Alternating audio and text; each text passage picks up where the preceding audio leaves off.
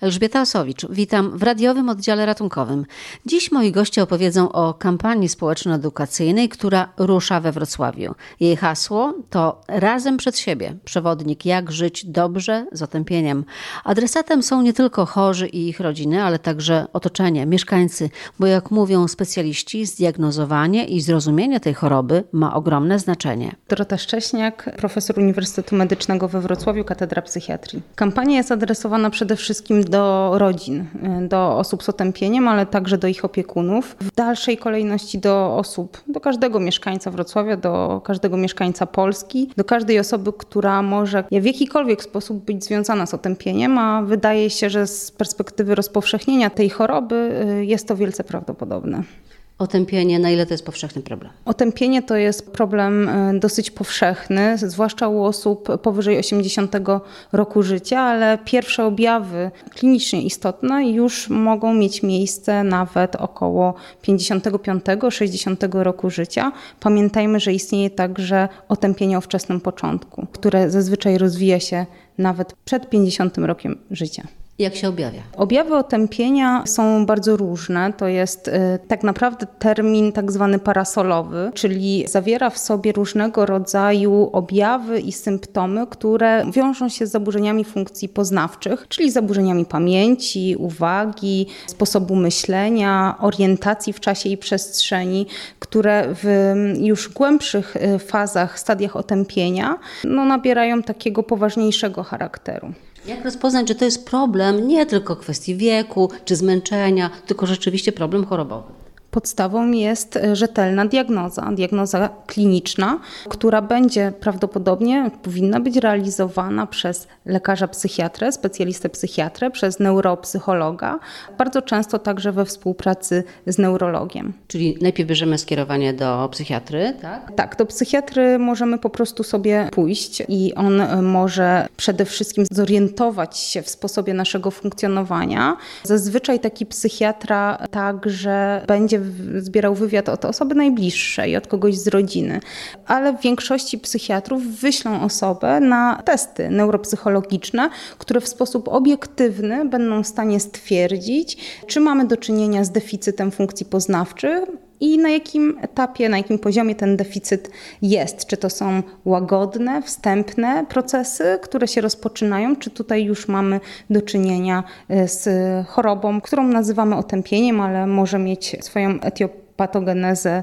w różnych obszarach. Wystarczą testy, czy potrzebny jest jeszcze na przykład jakiś rezonans głowy? Tak, lekarz psychiatra zleca rezonans i badanie obrazowe. Tam też mogą być widoczne zmiany? Oczywiście.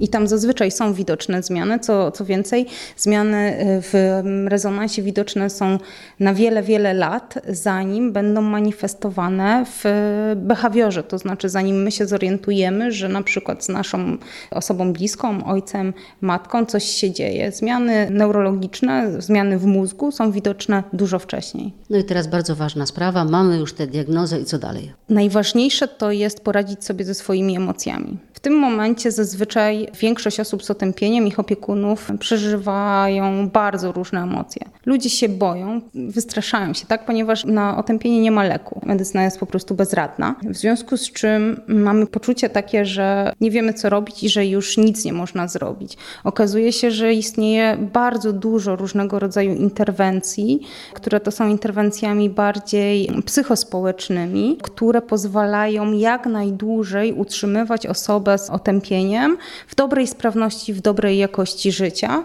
Ale co to znaczy interwencja? Są jakieś ćwiczenia? Właśnie tabletki nie ma, ale jeżeli chodzi o e, interwencje, to e, tak, to jest szereg różnego rodzaju programów rehabilitacyjnych, miejsc, e, do których można pójść, gdzie z punktu widzenia jakby naukowego realizowane są programy, które mają wzmacniać i funkcje poznawcze, ale też te pozostałe elementy funkcjonowania człowieka, które pozwalają na bycie jak najdłużej w takiej niezależności, na tyle na ile to jest możliwe, ale także przygotowują do rozwoju otępienia, ponieważ na ten moment my wiemy, że to jest choroba, która jest postępująca i która będzie się rozwijała. Czy może dojść do takiego etapu, że ta osoba nie poznaje bliskich? Oczywiście Zazwyczaj dochodzi do takiego etapu.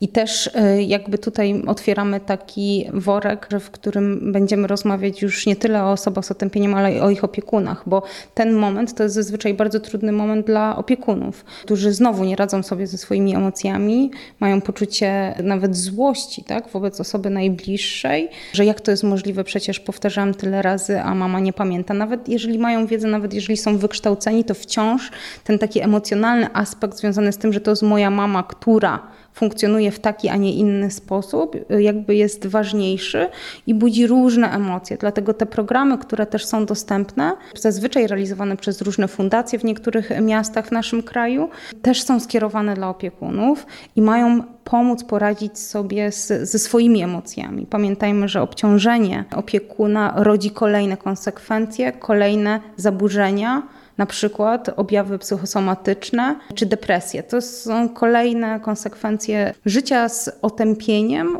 które nie jest dobrze postrzegane. Dlatego trzeba o otępieniu mówić, oswajać tę chorobę. Temu ma właśnie służyć zaplanowana na pół roku kampania społeczna. O tym, jak specjaliści chcą trafiać do mieszkańców, mówi profesor Janna Rymaszewska z Uniwersytetu Medycznego. Każdy z nas może zachorować, może mieć e, taki problem z pamięcią, z innymi funkcjami poznawczymi, z emocjonalnością, z utratą pewnych funkcji, ale mamy szereg innych możliwości, żeby dobrze żyć, cieszyć się życiem i wykorzystywać na maksa to, co mamy, oczywiście w miarę naszych możliwości. Łatwo powiedzieć, ale to jest tak, że coraz częściej łapiemy się na tym, że czegoś nie pamiętamy, że ciężko nam jest się skoncentrować. Rodzina zaczyna też mieć do nas coraz więcej pretensji. Jak sobie z tym radzić, tak praktycznie? No przede wszystkim, jak coś się dzieje złego, to trzeba to zdiagnozować. Jak e, się źle czujemy, to myślimy, mmm, ja jestem głodny, czy za mało wypiłem, albo co się ze mną dzieje, może jestem e, niedospany.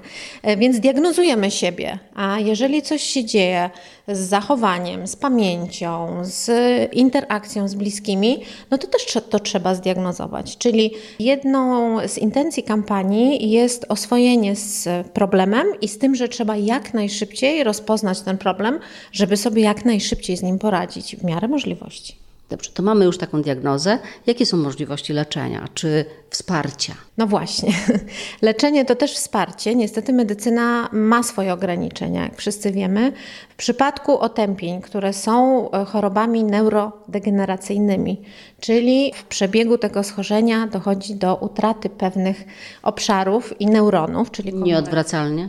Nieodwracalnie, tak, rzeczywiście e, nieodwracalnych. To oczywiście tu w tym momencie my jako medycy nie mamy zbyt wiele do zrobienia, to znaczy są leki, które spowalniają ten proces, natomiast go nie odwracają. Ale to nie znaczy, że cały obszar mózgu tak cierpi, bo inne komórki mogą przejąć to działanie i w związku z tym trzeba nad tym popracować i taka możliwość treningów powinna być wprowadzana jak najszybciej. No, oczywiście muszę wspomnieć o zdrowym trybie życia, o tym, że musimy się prawidłowo odżywiać, bo to, co jemy, to tym się stajemy. O tym, że aktywność fizyczna bardzo regularna jest niezwykle ważna i to, co jest kolejnym bardzo ważnym elementem tej kampanii Razem przed siebie, to jest słowo razem. Czyli nie zostajemy sami z problemem, chcemy wychodzić do ludzi. Osoba z otępieniem na każdym etapie praktycznie potrzebuje drugiej osoby a najlepiej środowiska swojego. Idealnym przykładem jest e, Centrum Spotkań na Ciepłej, gdzie osoby starsze trzy razy w tygodniu uwielbiają się spotkać, uwielbiają pośpiewać, uwielbiają pójść razem do akwaparku czy na pizzę, mimo że mają naprawdę poważne deficyty. No, ogromna rola osób bliskich w domu. Te osoby bliskie często tracą cierpliwość, kiedy kolejny raz e, coś powtarzają, a ta osoba chora mówi: No, ale nie pamiętam. No właśnie. I tutaj myślę, że bardzo brakuje jeszcze takich standardów postępowania i takich miejsc, gdzie można nauczyć się żyć z osobą z otępieniem, radzić sobie z własnymi emocjami, umieć zaakceptować ograniczenia tej osoby i je też zaakceptować i przyjąć jako po prostu element choroby, z którym nie da się walczyć. Natomiast umieć wyłuskać to, co możemy jeszcze w współpracy z tą osobą przeżyć razem. To jest bardzo trudne i wydaje się, że mamy bardzo wiele do zrobienia. Dlatego zapraszamy wrocławian do rozmowy na ten temat. Właśnie, jak ma wyglądać ta kampania? Kampania jest złożona z różnych bodźców, które mam nadzieję wrocławianie zauważą. To znaczy właśnie jakieś animacje w naszych autobusach, tramwajach, podświetlony stadion, podświetlony urząd wojewódzki. Mamy wernisaże przygotowane, mamy webinary i wykłady dla osób e, z otępieniem, dla ich opiekunów i również dla specjalistów. Tak naprawdę przez 6 miesięcy do lutego będziemy, mam nadzieję, spotykać się w różnych miejscach Wrocławia i w różnych okolicznościach. Pamiętajmy, osoba 89-letnia to nie jest naturalne, że ma otępienie. Z tym trzeba coś zrobić. A nam się trochę tak kojarzy, że aha, babcia nie pamięta, czy mama nie pamięta, czy gubi się, albo jest zdezorientowana, nie wie gdzie jest, a normalny, ma tyle lat. Niekoniecznie, tak? Nie, nie, absolutnie. Pamiętajcie Państwo, że nawet stulatek tak naprawdę zdrowy, to jest świadomy tego, kim jest, gdzie jest i co się z nim dzieje. Jeżeli cokolwiek się dzieje niepokojącego, nawet w młodszym wieku, 50-latkowie, 40-latkowie, jeśli macie problemy z zaburzeniami pamięci, z zapominaniem, z pewną taką niepewnością co do własnych wspomnień, e, e, czy pamięci na bieżąco, tego co się działo wczoraj, to trzeba diagnozować, ponieważ to nie jest normalny stan ani w wieku 40, 50, ani 80 W radiowym oddziale ratunkowym dziś to już wszystko. Elżbieta Osowicz. Do usłyszenia.